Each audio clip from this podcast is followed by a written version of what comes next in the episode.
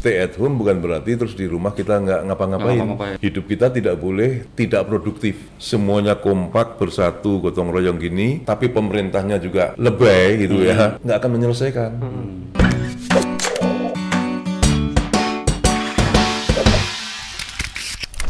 Halo Tribuners, selamat datang di Tripod Tribun Podcast. So, seperti biasa tentunya barengan Angga Prayoga di sini dan juga ada Mas Danang Siap. yang setia tentunya menemani Tribuners uh, sambil ngobrol-ngobrol santai dengan bintang tamu bintang tamu yang selalu kita hadirkan Spesial di ya. setiap episode-nya ya. Sore ini spe- spesial Kali ini ya. spesial kita sudah hadirkan, sudah ada di tengah-tengah kita ini adalah salah satu sosok uh, yang bisa dibilang ini tokoh masyarakat yang cukup terkenal, bahkan sangat terkenal di Kota Batam dan juga Kepulauan Riau. Tokoh senior. Senior Kepri. juga dan bahkan lebih banyak masyarakat yang lebih kenal beliau nih ketika Iya, saya di Mas Danang ya. Kita pendatang, tapi Benar. meskipun kita pendatang kita juga tetap kenal lah beliau ini ya. Seperti apa nanti kita akan ngobrol-ngobrol ya. Mungkin banyak juga yang ber- bertanya-tanya. Teman ngobrol kita ini seperti apa nanti akan anu, apa akan tahu lah akan lebih mengenal akan lah, gitu. kita kita gali, gali ya, ya. Dan sekali-kali kita interogasi ini Dan langsung aja kita sambut ini dia ada Pak Suryo Respationo. Selamat sore Pak. Selamat, Selamat sore. Romo. Ada Makasih, ini biasanya makasih. selalu uh, akrab dipanggil, dipanggil Romo, Romo. ya. Siap. Panggil Romo. itu adalah ada ceritanya gak sih kenapa dipanggil Romo itu? Ya, eh, kebetulan eh, saya ini kalau orang Jawa bilang kilurahnya orang Jawa. Kilura. Ya, nah Romo itu panggilan untuk orang yang dituakan. Oke. Nah, Jadi iya. bisa bapak, bisa anu. Nah, jadi Romo itu orang yang dituakan lah. Orang yang dituakan. Ini buat teman-teman Tribuners Tapi masih muda. Iya mungkin banyak banyak banyak bertanya kan kenapa Romo kan karena ada yang identik kalau istilah Romo itu kan pemimpin agama Katolik kalau ada di beberapa apa komunitas. Oh, pastor, Ya pastor. pastor gitu Ah. kan ya. Tadi teman-teman kita pun ada yang nanya, Mas kok dibang, kok bisa dipanggil Romo? Ya, Ah. Ya, kan jawabannya itu kan jadi eh, ya panggilan orang tua eh, seperti ayah orang bapak orang yang gitu ya. dituakan ya, Ya, kalau yang dalam adat uh, Jawa ya. Betul betul betul. Uh, sekarang terjawab pertanyaannya yang selama ini nggak tahu kenapa dipanggilnya Romo. Mm-mm. Itu dia jawabannya. Ya. Kamu bisa kalau udah tua boleh. Boleh, tapi kan Ah. saya bukan dari Jawa, boleh ya? Nah gimana Romo? Kalau bukan orang Jawa nggak boleh Romo? Boleh aja. Boleh aja. aja. Karena saya dari Sunda panggilnya Abah kali nanti udah tua. Iya iya iya iya. Nah, di Romo ini kegiatan uh, lagi sibuk ngapain aja nih Romo selama pandemi ini? Ya, eh, selama COVID ini tentu bagaimanapun juga kegiatan kita menjadi terbatas. Mm, mm, Jadi iya. terbatas karena eh, ada protokol kesehatan yang harus kita ikuti. Nah, tapi tentu eh, banyak slogan-slogan stay at home gitu ya. Mm, betul. Nah, stay at home bukan berarti terus di rumah kita nggak ngapa-ngapain. Hidup kita tidak boleh tidak produktif. Hmm. Walaupun di rumah kita harus tetap produktif. Nah, kalau kegiatan-kegiatan tentu kegiatan yang eh, berkaitan dengan eh, pekerjaan-pekerjaan saya sebagai seorang advokat pengacara, kemudian kegiatan Masih saya aktif Romo ya? saya masih Advokat aktif ya, uh, uh, mulai tahun 87 sampai sekarang. Kemudian kegiatan saya uh, sebagai ketua partai, sebagai kilurah di Paguyuban, tentu tidak boleh berhenti. Nah, kita nggak boleh gaptek lagi di era globalisasi ini. Iya, benar banget. Tentu kita harus menyesuaikan Menyesuaikan. dengan uh, perkembangan zaman. Adaptif ya Romo ya? Nah sekarang kan eh, namanya meeting, namanya ngobrol kan tidak harus face to face, secara langsung direct ya, tapi bisa lewat zoom, bisa lewat eh, video call. Video dan call. sebagainya. Nah itu menyelesaikan sebetulnya sebagian dari permasalahan kita. Walaupun mohon maaf, walaupun rasanya kurang mantap kalau nggak face to Nggak face. ketemu langsung, iya, nah iya, tapi iya. kan eh, apa mau dikatakan, Nah, jadi Bagaimana juga protokol kesehatan harus kita ikuti, tapi aktivitas kita tidak boleh berhenti. Enggak, tema kita hari ini apa nih? Tema Biar kita untuk ini kita ada- lagi. Hmm? Nah, tema kita ini kita akan ngebahas yang namanya Menjaga spirit Pancasila di era, era pandemi. pandemi, Tadi Romo udah ngobrol sedikit apa yang udah beliau lakukan selama pandemi Ah, dan ah. Apa yang harus mesti kita lakukan buat teman-teman juga Tribunus apa sel- selama era pandemi apa yang Benar. dilakukan. Karena juga kita ini masih dalam rangka uh, Hari Pancasila juga kemarin ya Mm, kita sempat mm. merayakan di tanggal 1 kemarin ya. Betul. Tanggal 1 kemarin. Kita Jadi gali masih nih. suasananya nih. Iya. Jadi kita bagaimana sih cara kita menjaga spiritnya ini nih, menjaga spirit Pancasila Iya. dan di era pandemi seperti ini nih. Karena Iya. ini kan Kenapa baru. nih, kenapa mesti Pancasila? ya? Hmm. Apa hubungannya Pancasila dengan pandemi gitu kan? Nah, nanti kita langsung ini bakal kita bahas ya. ngobrol ke dengan Romo ya. Oke. Romo kalau boleh tanya Romo. Siap. Ini kan sekarang beragam sikap warga negara atau golongan tentu sudah apa hadir di Indonesia sebagai bukti bangsa ini hidup dan tidak mati dalam kemajemukan.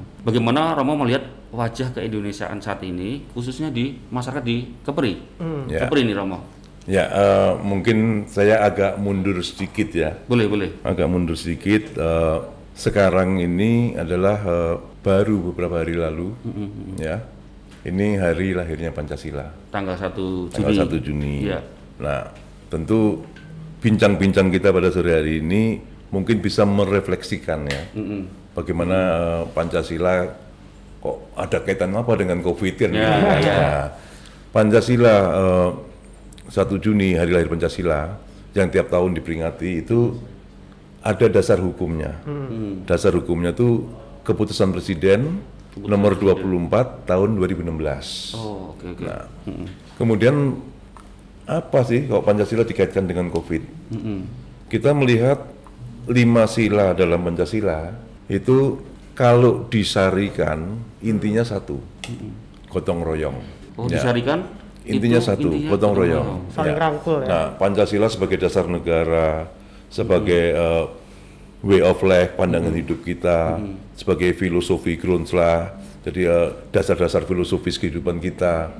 Tadi saya sampaikan bahwa eh, Bung Karno itu bisa me- meringkas Pancasila itu inti sarinya adalah gotong royong. Nah, kalau gotong royong kita kaitkan dengan eh, wabah atau pandemi Covid ini, tentu dalam COVID eh, menghadapi wabah COVID ini, kalau kita egois, yang muncul adalah ego sektoral kita.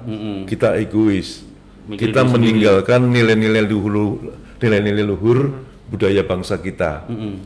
Budaya bangsa kita di mana pun juga, apa pun sukunya, apa pun agamanya, itu terbiasa dengan gotong royong. Iya. event apa pun juga pesta kita gotong royong, gotong royong. ya kan? Ada eh, duka kita gotong royong. Ada suatu masalah kita gotong royong. Mau bangun balai RW kita gotong royong.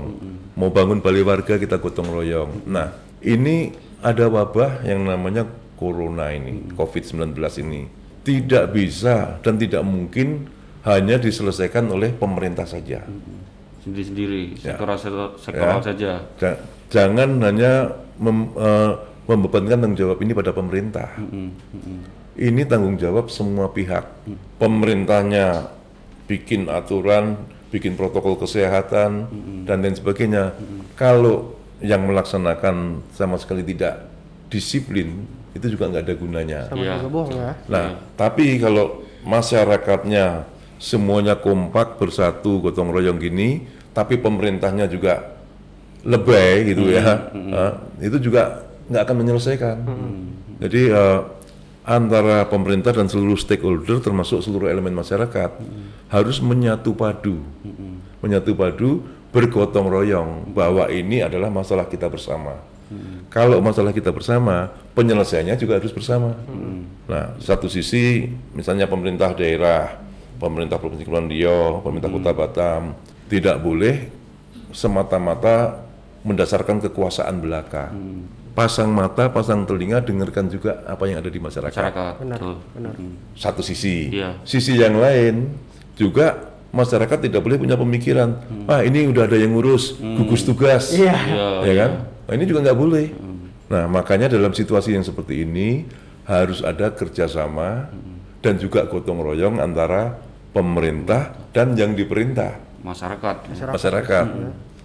Hanya dengan cara seperti itu, insya Allah kita bisa melewati COVID ini eh, dengan eh, yang kita harapkan. Misalnya nanti menuju ke new normal dan lain normal, sebagainya ya ya. kan.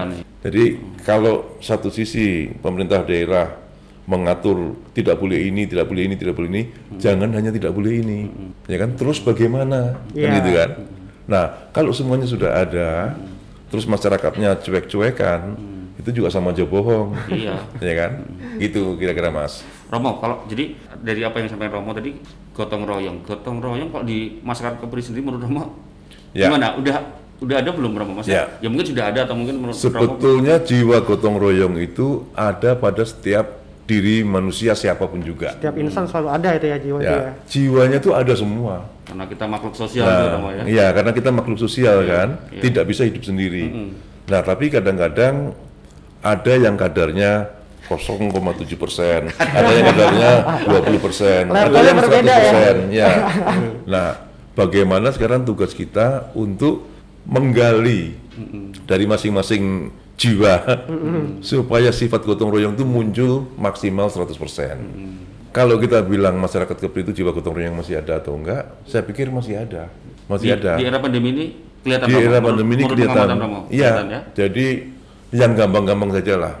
Masyarakat dari berbagai komponen, berbagai organisasi dan lain, lain sebagainya itu banyak yang tek-tekan apa taken list Oh iya iya. seratus iya. ribu, lima puluh ribu, Iya. ya kan lima lima super mie, sepuluh telur, patungan-patungan kumpulkan terus membantu ke mana-mana. Iya. Kita jangan melihat nilai atau jumlahnya, Betul. tapi itikat atau nawa itu dari masing-masing pribadi itu yang harus kita lihat. Semangatnya tadi ya. Ya. Nah, ini satu sisi memang ini wabah.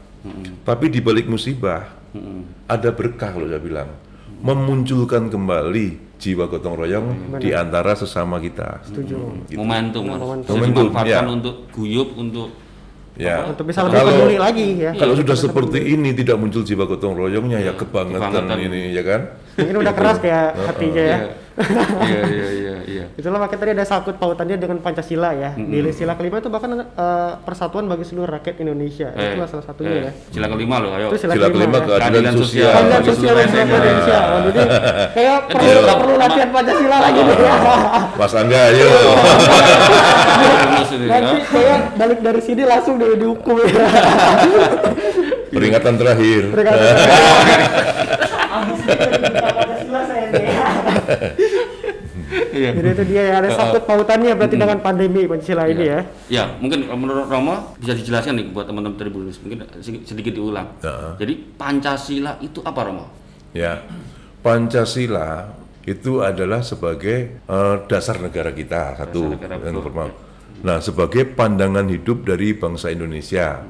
Itu kalau istilah kerennya tuh ya eh, way of life, ya kan, Way of pandangan hidup bangsa. Pandangan hidup bangsa. Ya kan, arahan eh, untuk ke mana bangsa ini mau dibawa, ya kan. Terus sebagai dasar filosofi kita. Eh, kalau orang hukum tahu tuh filosofi Grundslag gitu ya. Nah, jadi setiap gerak kita, langkah kita, dan perilaku kita itu dasarnya adalah Pancasila. Jadi ada semua, semuanya itu di Pancasila. Nah, Pancasila itu sendiri orang sering tidak tahu, ya kan? Nah, Bung Karno itu bukan yang menciptakan Pancasila, Nah, iya iya. tapi Bung Karno adalah yang menggali Pancasila dari bumi Nusantara ini. Oh, Itu tadi sampai mau nanya itu Romo. Apa, Iya. Kan selama ini kan Selalu dikaitkan apa ya? hubungannya ya? Apa hubungannya Pancasila dengan Soekarno Ya, ya jadi Bung Karno itu bukan pencipta Pancasila, Bukan pencipta bukan. Pancasila. Pancasila itu sudah ada di bumi Indonesia, di bumi Nusantara oleh Bung Karno digali. Digali kemudian pada waktu eh, sidang BPU PKI, Badan Penyelidik Usaha Persiapan Kemerdekaan Indonesia, tanggal 29 Mei, Mei. sampai dengan tanggal 1 Juni tahun 45. Yang mimpin sidang itu eh, Dr. KRT eh, Rajiman. Beberapa pembicara berbicara. Bung Karno pada tanggal 1 Juni kesempatan terakhir beliau bicara. Bung Karno memperkenalkan bahwa saya bukan pencipta Pancasila, tapi Beliau Pancasila sendiri- beliau sendiri saya kan gali yang sedalam-dalamnya dari bumi Indonesia ini. Ini dari tempat kita sendiri. Ini loh ada yang yang namanya Pancasila, gitu kan.